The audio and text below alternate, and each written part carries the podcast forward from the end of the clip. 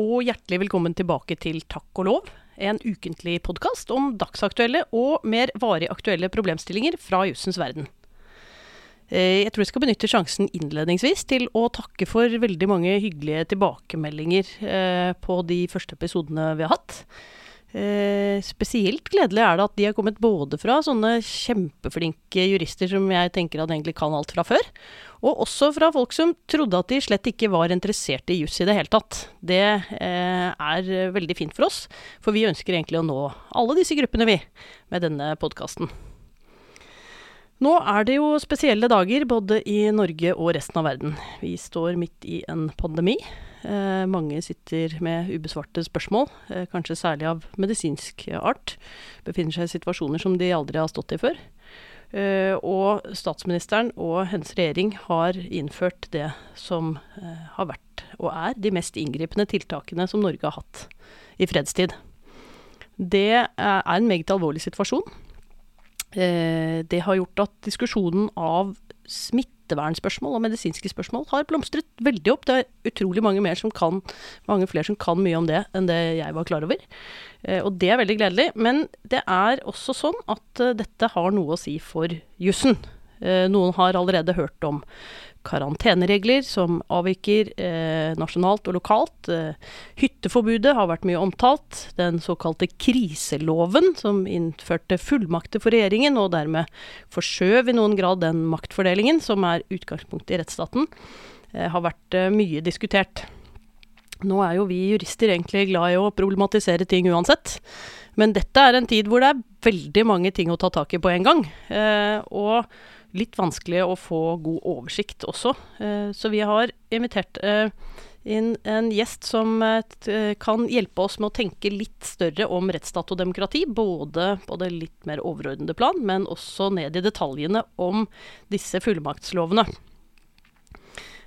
Og det som også er bra med dagens gjest, er at han har en særlig interesse for hvordan rettsstaten og jussen eh, kan ja, gi muligheter, men også trues i krisesituasjoner.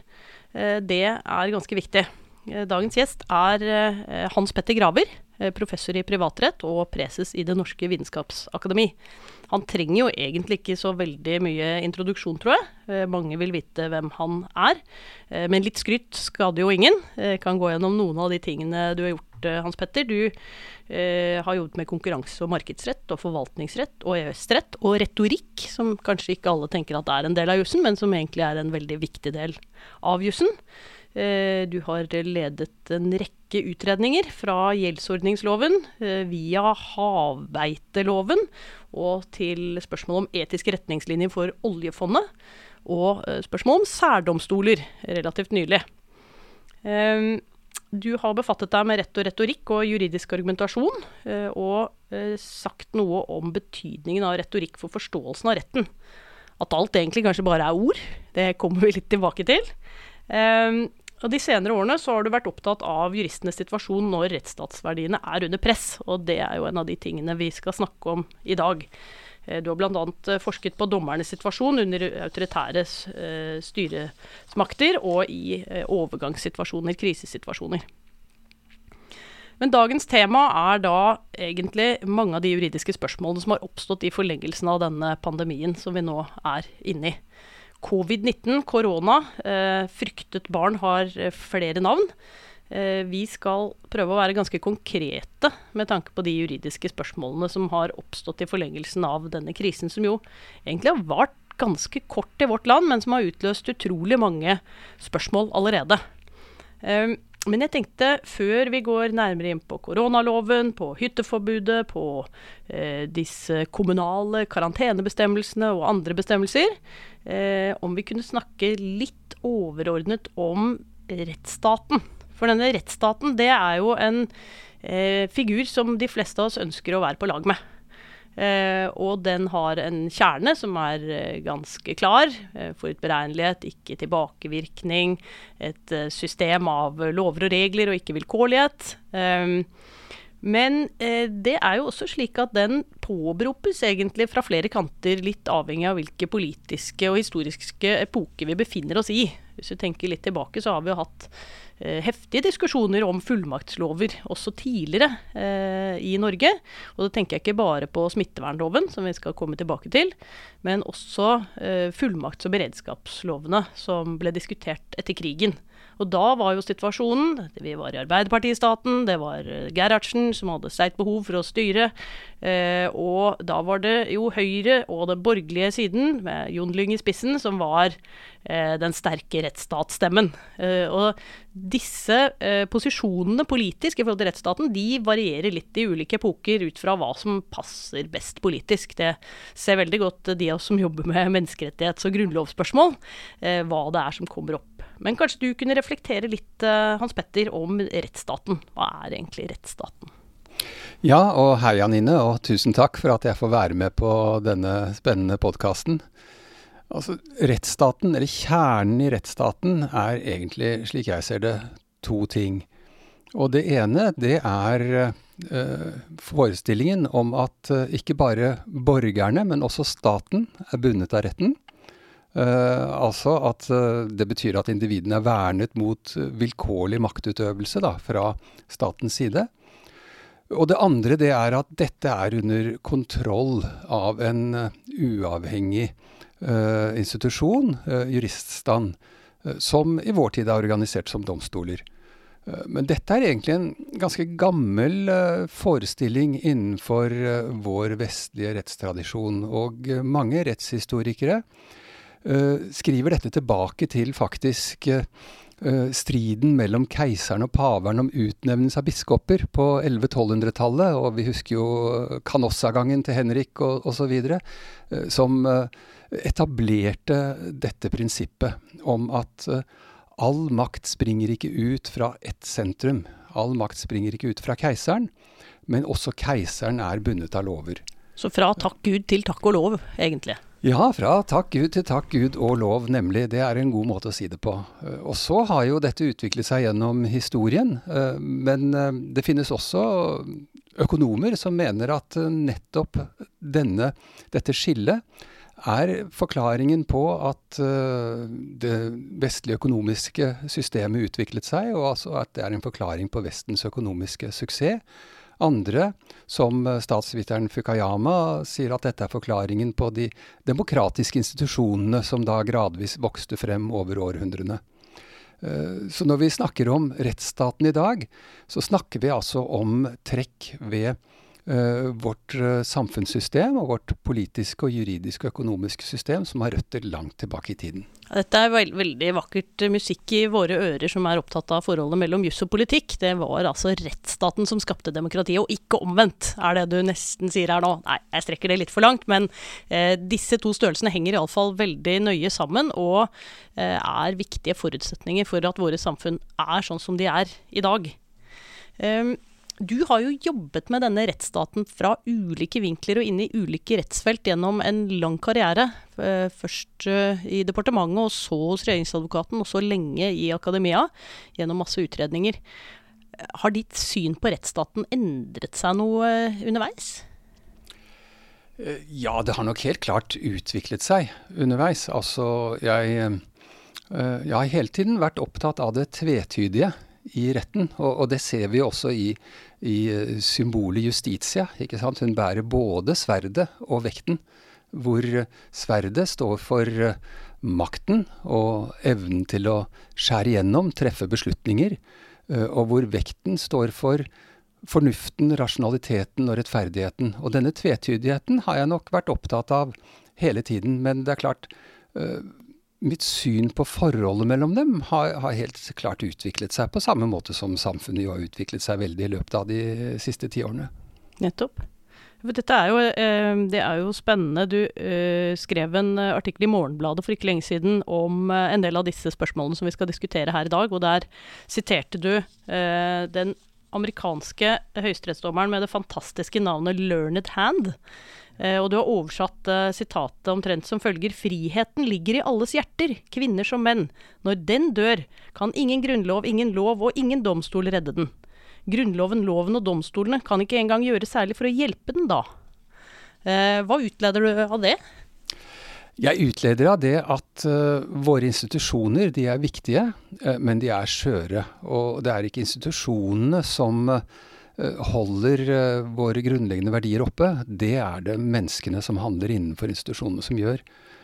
og hvis verdien av frihet, eller synet på frihet, blir nedtonet i den alminnelige opinionen, så er det en stor fare for at også samfunnet utvikler seg i en autoritær retning. Og det viser jo også den forskningen jeg har gjort på dommere i autoritære samfunn, at dommere er jo også mennesker. Så når samfunn gripes av eh, man kan si moralske panikker, eller av, uh, av stemningsbølger som uh, fører til at uh, minoritet eller, eller, andre utsatte blir utsatt, så er ofte dommerne enige. Altså i Tyskland under nazitiden så var jo dommerne også antisemitter. Og, og dommerne i Sør-Afrika, som ellers var uh, sosialisert inn i den engelske common law-kulturen med vekt på individuelle rettigheter, habeus corpus, alt dette vi kjenner, de var jo også rasister. Ikke sant? Sånn at dommerne de gripes av de samme stemningsbølgene. Vi er rett og slett mennesker, vi jurister også. Vi må bare ta dette inn over oss. Uh, vi skulle ønske vi av og til klarte å være enda mer enn det. At vi kunne være Hercules. Uh, men det uh, klarer vi ikke. Vi lar oss også bevege av de bølgene som sveiper over oss. Og det er jo en god overgang til det mer konkrete temaet som gjelder denne kriseloven. for det er jo et veldig godt, en veldig god eksempel eksemplifisering egentlig av dette det tvesynet som du var inne på. Dette forholdet mellom styringsjussen på den ene siden, den som gjør det mulig for politikerne å handle, eh, og rettighetsjussen på den andre siden, den som sikrer den individuelle friheten som er helt nødvendig, også i krisesituasjoner. Eh, kan du forklare kort hva denne kriseloven gikk ut på, og hva slags fullmakter den nå gir? Det opprinnelige forslaget til regjeringen var at uh, regjeringen skulle få fullmakt til å gi lover, altså gi forskrifter, uh, som hadde samme effekt som, uh, som, lover, uten å gå via Stortinget. og Så det var en veldig vid fullmakt. Det, det, fraviker de vanlige prinsippene. Og I tillegg så skulle det fravike også et annet prinsipp, nemlig at de lovene som er gitt av Stortinget, alltid går foran det regjeringen bestemmer regjeringen eh, skulle få, eller fikk også fullmakt da til å endre på og fravike de lovene som eh, allerede er fastsatt av Stortinget. Eh, I sin opprinnelige form så var dette en ubegrenset fullmakt. Eneste, de eneste betingelsene som lå i loven, var at det måtte være for å verne om normale samfunnsfunksjoner eller å bøte på skadevirkninger av eh, pandemien eller bekjempingen av pandemien. Altså de økonomiske, sosiale, eh, kulturelle skadevirkningene eh, på bred front. Og så måtte tiltakene være nødvendige, men det kan jo alltid diskuteres hvor stor grense det er. Så var det bygget inn en slags parlamentarisk kontroll ved at Stortinget kunne holde møte, og hvis en tredjedel av representantene uh, stemte for det, så ville forskriften som regjeringen hadde gitt, falle bort. En slags mindretallsgaranti der, som gjorde at man kunne stoppe disse forskriftene, som også skulle vel meddeles umiddelbart. Ja. Ja, og du kan si svakheten ved den garantien, det, det var jo særlig at uh, behovet for å gi sånne forskrifter er jo størst når Stortinget ikke kan samles. Og hvis Stortinget ikke kan samles, er det vanskelig å samle Stortinget for at en tredjedel skal stemme mot det også. Så det lå et slags sånt paradoks i den garantien, da. Ja, det, akkurat det er jo um, Det er jo et veldig viktig poeng, egentlig. fordi da ville ikke den garantien virke. Samtidig så ville man vel da være i en situasjon hvor det var helt nødvendig at noen utøvde makt over hodet, eller? Jo, men så er jo da spørsmålet hvor vi skal fullmakten være. Uh, og det var mange andre sider ved det, altså hvor lang den skulle være. Opprinnelig så ville regjeringen ha denne fullmakten til å gjelde ut uh, 2021.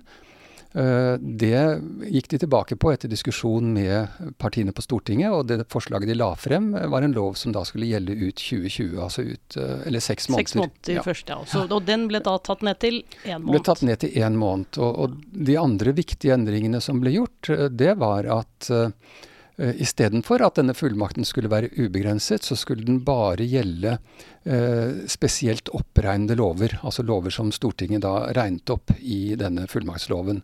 Ut fra hva regjeringen klarte å overskue at den hadde behov for kanskje å måtte endre underveis. Ja, men ja. de skulle ikke ha en sånn kjekt å ha-fullmakt i tillegg. Nei.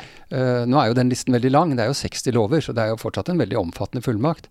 Det ble, men, det, var det slik at det også ble tatt inn en presisering om at uh, det, denne loven bare skulle brukes til å gi denne type forskrifter, som hadde da disse potensielle virkningene, hvis uh, vanlig lovbehandling ikke kunne skje fort nok?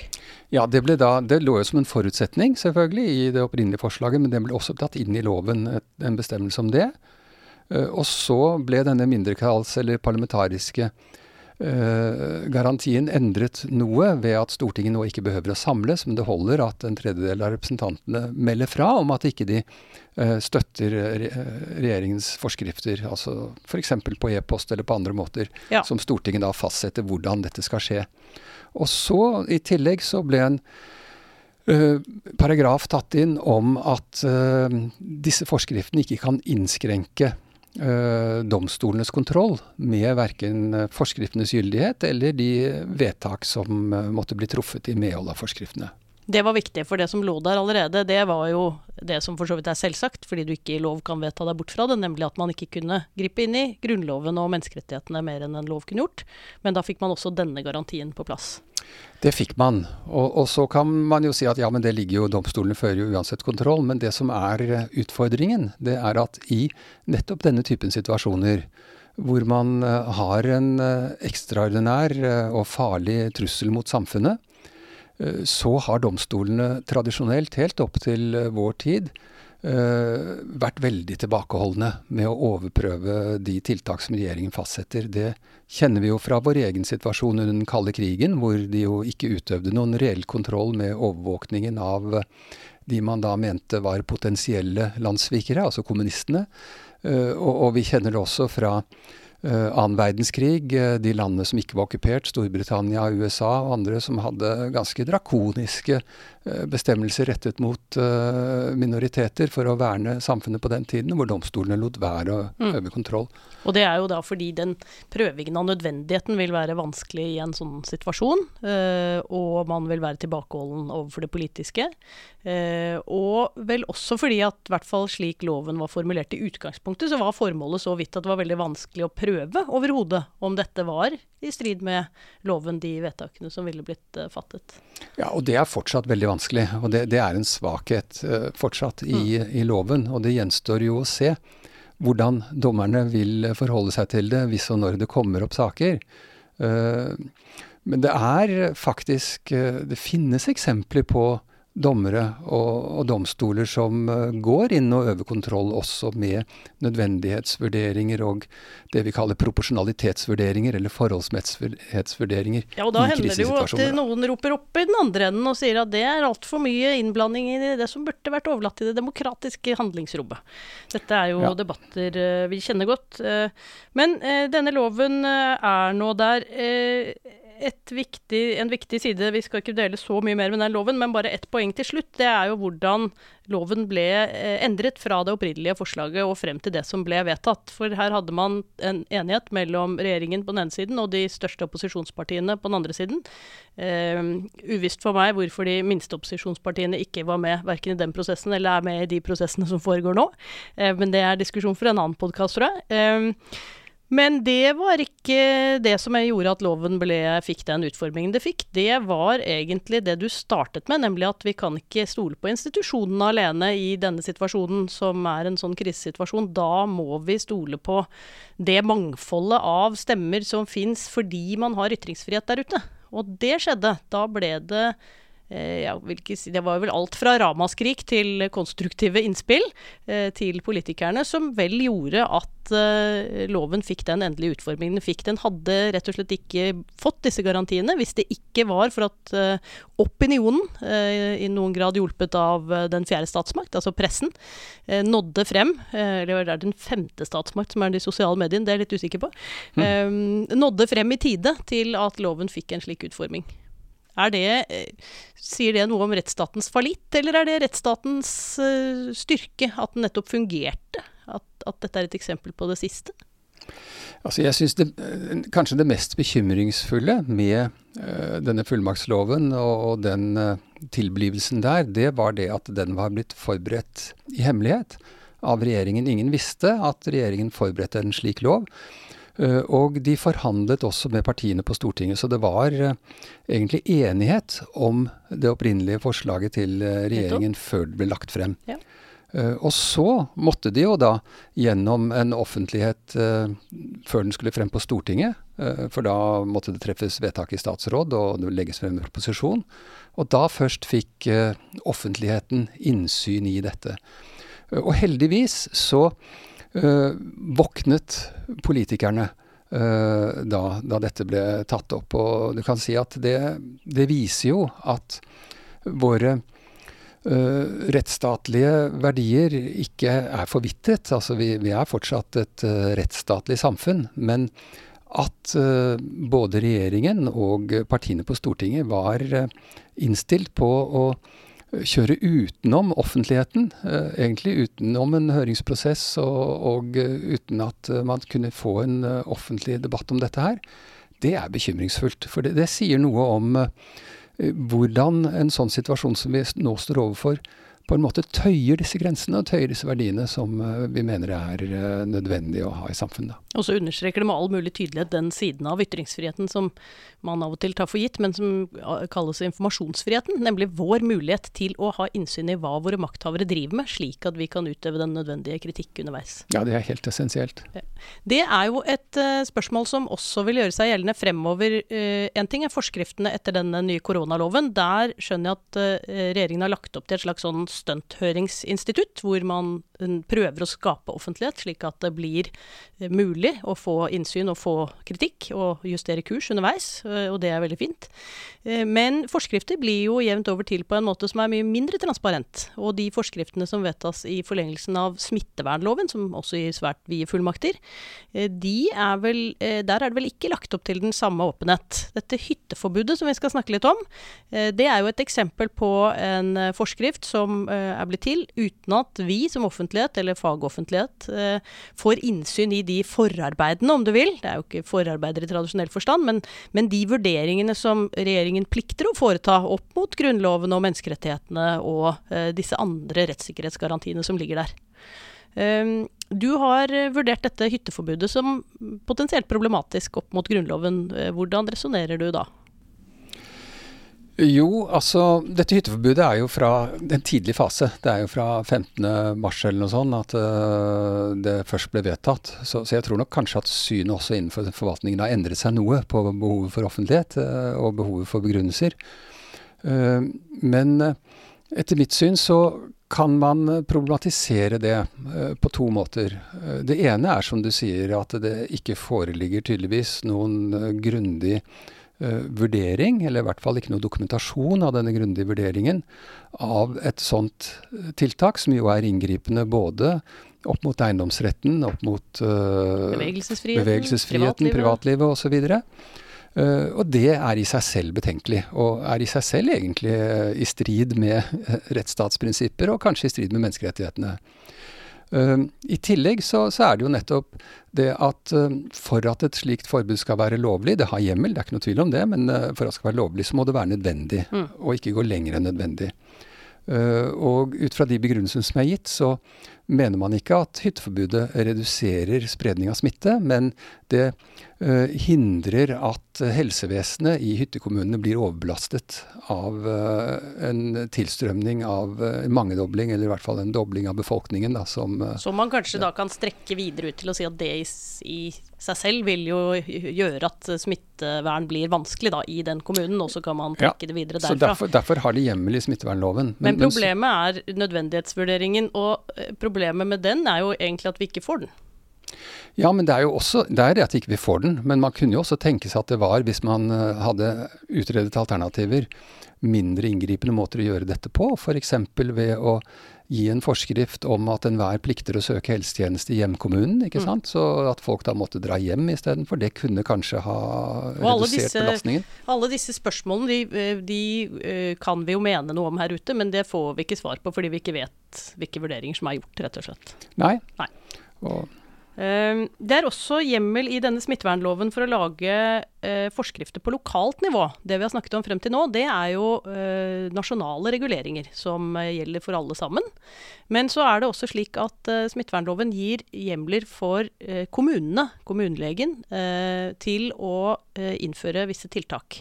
Det kan være møteforbud, det kan være stenging, det kan være forbud mot å gå på arbeid, det kan være karantene. Eh, de har avstedkommet uh, også en del diskusjon. Uh, kan du si litt om det? Ja, altså smittevernloven har helt klart hjemler for kommunen, og den pålegger også kommunen plikter. Så kommunen har en viktig rolle i forebyggelse og bekjempelse av smittsomme sykdommer. Men vi må huske på at smittevernloven er både en smittevernlov, men det er også en rettssikkerhetslov. Og den forrige store diskusjonen om smittevernloven, den hadde vi på 80- og 90-tallet. Uh, eh, under aids-epidemiens høydepunkt. Og, og, det var jo kanskje på et tidspunkt også hvor vi hadde en slags moralsk panikk i samfunnet. Fordi det var før man visste at aids bare smittet ved kontakt med blod. Eh, mange fryktet eller trodde at aids kunne smitte på andre måter, og det var jo situasjoner hvor aids-smittede uh, ikke fikk gå på jobb fordi at de andre kollegene var redde for at de ville kunne bli smittet av denne forferdelige sykdommen osv. Uh, og da var det en diskusjon nettopp om uh, hva slags type tiltak man kan gjøre for å verne samfunnet og andre mot dette. Og, og på dette tidspunktet så hadde vi egentlig spredd smittevernbestemmelser i en rekke lover. Og så var det om å gjøre å få samlet dem i én lov. Og, og, men nettopp diskusjonen omkring aids-epidemien førte vel til at uh, den prosessen frem mot smittevernloven fikk en dreining i retning av større rettssikkerhet. Altså man ble mer opptatt av individenes rettssikkerhet og den type garantier i den endelige loven som uh, ble vedtatt. Men likevel er vi nå her hvor uh, det er en av de utfordringene du ser med noen av disse lokale forskriftene. Ja, altså fordi den forrige loven om smittsomme sykdommer hadde en veldig vid fullmakt til kommunen. At kommunen kunne iverksette de tiltak som var nødvendige for å bekjempe smitten. I smittevernloven så har vi da fått mye mer presise fullmakter. Og mange av dem er helt presise og udiskutable, som adgangen til møteforbud osv. Eh, det er også adgang til å isolere personer. Eh, F.eks. i et eh, Hvis det bryter ut smitte på en institusjon av en farlig sykdom, eller i en eh, bydel eller videre, så kan man isolere akkurat det området, slik at folk ikke kan reise fritt ut av det området, og andre ikke kan reise inn osv. Mens det som er diskusjonen, eller et av diskusjonstemaene, er jo om man da kan innføre karantene, som jo på en måte er det motsatte av en, en sånn type isolasjon. Og det har ikke direkte hjemmel i ordlyden i loven, så da må man tolke den utvidende. Uh, og da kan man jo spørre uh, hvor langt skal man gå i en utvidende tolkning av en lov som gir adgang til å pålegge så vidt store begrensninger i bevegelsesfriheten uh, til friske mennesker, som en karantenebestemmelse er.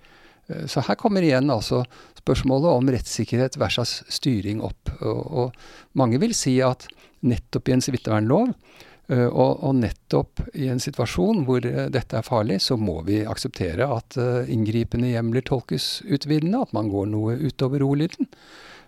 Mens jeg har vel kanskje forsøkt å, å, å si at dette er en rettssikkerhetslov. Her må vi holde oss til vanlige prinsipper for tolkning av inngripende lovgivning.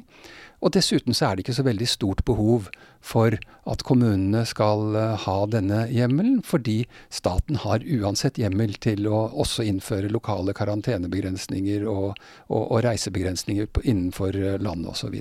Her er det jo i noen grad rettigheter på begge sider. Altså, for det er jo de åpenbare frihetsrettighetene som vi er mest opptatt av, og som på en måte er ryggmargsrefleksen i møte med denne type eh, sterk styring. Eh, men staten har jo noen positive forpliktelser til å sikre liv og helse også.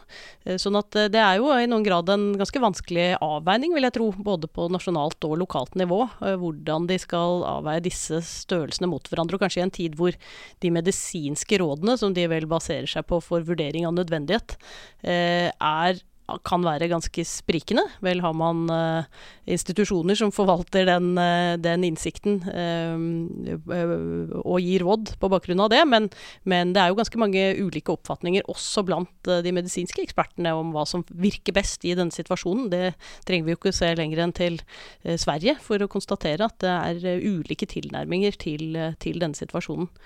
Men dette aktualiserer jo egentlig en side eh, som vi ikke diskuterer så ofte. Dvs. Si vi diskuterer jo ofte forholdet mellom nasjonale og overnasjonale reguleringer. Altså hvor burde hovedtyngden ligge, egentlig. Men her får vi en reaktualisering av en mye mer typisk norsk debatt, nemlig eh, spenningen mellom by og land. Hva burde vurderes hvor? Eh, tror vi at eh, dette har noen implikasjoner for eh, forholdet mellom det nasjonale og det lokale selvstyret på sikt? Altså Hvis vi kan trekke dette litt opp på det teoretiske nivået igjen, for dette er uh, veldig interessant, uh, denne utviklingen mellom staten og kommunen her. For det er ikke tvil om at staten her har hjemmel til å skjære igjennom. Man kan diskutere om de må, kan bruke smittevernloven, eller om du må bruke denne koronaloven, men det er helt klart at staten har hjemmel. Og staten har også et klart prinsipielt syn på hvordan det skal være. De har jo sagt at kommunene bør ikke gi slike lokale karantenebestemmelser. Ja, med retningslinjer som skal uh, supplere forskrifter som skal supplere forskrifter. Ja, og, ja. og det statlige påtalemyndigheten har sagt at de vil ikke håndheve.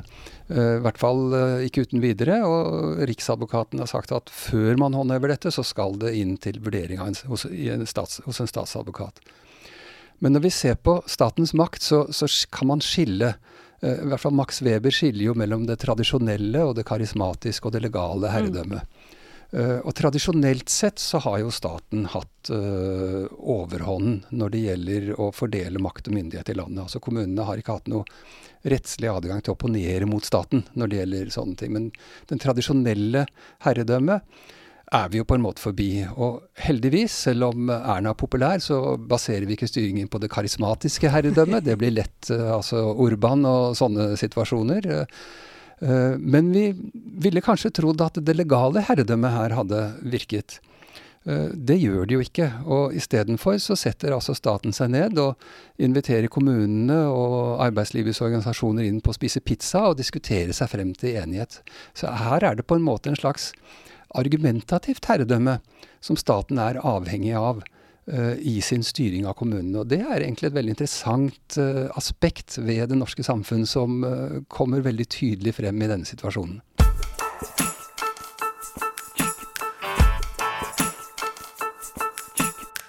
Velkommen tilbake til Jusshjørnet. Mitt navn er fortsatt Torbjørn Buer, og jeg er direktør i Juss.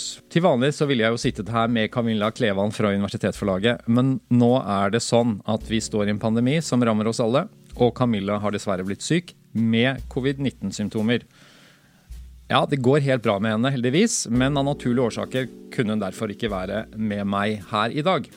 Men vi har fortsatt lyst til å gi dere muligheten til å få litt mer faglig påfyll, så her kommer tipsene fra Camilla og meg. Hans Petter Graver skrev hver måned i ett år en artikkel i føljetongen Jussens helter i Juridika Innsikt. Om jurister som valgte å følge sin samvittighet fremfor å leve opp til systemets krav. Serien kan du lese på Juridika i magasinet Innsikt, og snart blir den utgitt som bok. På Innsikt så finner du veldig gode artikler om hvordan koronaloven ble til, og om koronakrisens effekt på jusbransjen. Hvis du syns det er lenge siden du leser statsrett og trenger en oppfriskning, finner du f.eks. Johs Andenes 'Statsforfatningen i Norge' på Juridika. Andenes skrev disposisjonen på toalettpapir under tysk fangenskap på Grini, og siden er den blitt en ordentlig jusklassiker. Eller prøv deg på Benedicte Høgbergs glimrende bok 'Statsrett kort forklart'. Hvis du er sulten på å lære mer om hvordan du skal håndtere juridiske problemstillinger relatert til covid-19, så har juss Et e-kurs om dette laget i samarbeid med advokatfirmaet Hjort liggende ute på våre nettsider.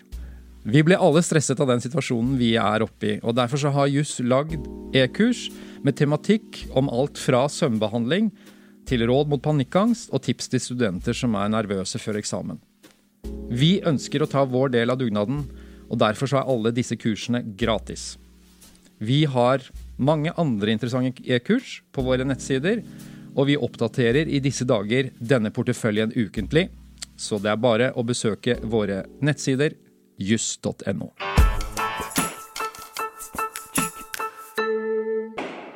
Jeg tror vi skal si eh, tusen takk for dine innsikter og refleksjoner omkring dette, Hans Petter. Det har vært uh, veldig interessant, syns jeg, å, å, høre på. Vi inviterer alltid gjesten vår til å dele en, en, ja, det trenger ikke å være en artig historie, men noe som har liksom gjort litt inntrykk. Gjerne litt sånn humoristisk variant. Vi har en liten spalte som heter Har du hørt?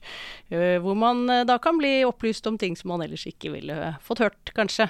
da vi snakket med deg om, om, det, så var du veldig i tvil. Du hadde visste slett ikke helt hva du skulle ta og snakke om i en sånn spalte. Eh, men det skyldtes jo bare at du tenkte på alle de ting du har gjort i din akademiske karriere. Men straks vi kom bak den, til der hvor det egentlig startet, eh, så kom du på opptil flere morsomme eh, episoder. Og jeg gleder meg til å høre deg dele dem, fordi det sier noe om at vi må eh, klare å sy sammen de abstraksjonsnivåene i de høye lagene vi har vært oppe i her nå, eh, med det mer konkrete og eh, jordnære som jussen også består av. Hva var det du kom på da vi snakket om dette? Jo, nei, altså Først vil jeg jo si at det er jo ikke noe som er så morsomt som å, å jobbe med juss akademisk, og, og, så stimulerende som å undervise og treffe studenter og diskutere med kolleger. Så det er en, en fryd hele tiden. Men det er ikke noe å le av? Det er også en del å le av, men det er kanskje ikke så morsomt å gjenfortelle. Så, og alle vet jo at eh, innenfor rettslivet, og advokater, de har jo ofte morsomme historier. Jeg tror kanskje den, i hvert fall den eh, som jeg husker best, det var eh, at jeg var Jeg hadde en motpart, en selvprosederende motpart i en by på Vestlandet, som hadde utallige saker gående i rettsvesenet. Og jeg reiste opp til denne vestlandsbyen. det var berammet hovedforhandling. Og sorenskriveren hadde jo hatt også flere saker med både denne parten og, og moren. Før, ja. Og, ja, så han kjente jo dette godt. Og, og, da vi alle hadde samlet oss der, så nedla denne parten protest mot at saken skulle gå. Og sorenskriveren spurte henne ja, hva slags uh, protest har du denne gangen, da? Det, det rettslige uttrykket ja, protest, ja. ja. Og, jo, nei, at hennes mor, som også var part i saken, uh, var ikke blitt innkalt. Uh, og sorenskriveren hva, er ikke hun innkalt? Og han gikk gjennom dokumentene og sa nei, nei, du har jo rett i det. Ja ja, da får vi bare utsette saken da, sa han og var lettet over det. Og så møttes vi ute på gangen etterpå, hadde tatt av oss kappene, og sorenskriveren slo en prat og sa ja, hvordan går det med mor nå da? Og hun, hun døde for et halvt år siden, hun. ja, akkurat. Ja, det er bra, har du hørt. Det, sånn kan det gå med selvprosederende parter. De av oss som har vært borte i, i dem, eh, har nok historier å fortelle, ja. Det, det, kan jeg skrive under på. Eh, jeg tror allikevel at vi skal eh, runde av der, Hans Petter. Eh, det har vært utrolig hyggelig eh, å ha den samtalen med deg, og jeg er glad vi kunne møtes. Nå har vi jo gått gjennom sånne zombiegater for å møtes her i et ekstra stort studio for å overholde alle smittevernpålegg om ikke å ha kontakt med hverandre. Jeg håper at alle fortsetter å følge dem der ute. Uansett om de lovene som sier at vi skal gjøre det, gjelder eller ikke, så er det grunn til å ta denne smitte epidemien på det aller største alvor. Eh, vi skal prøve å runde av på en litt hyggeligere tone likevel, og det fikk vi hjelp til med den selvprosederende historien din. Tusen takk skal du ha. Takk Tusen takk for at du kom, og jeg håper at uh, både du og andre kan uh, komme tilbake neste uke for en ny episode av Takk og lov.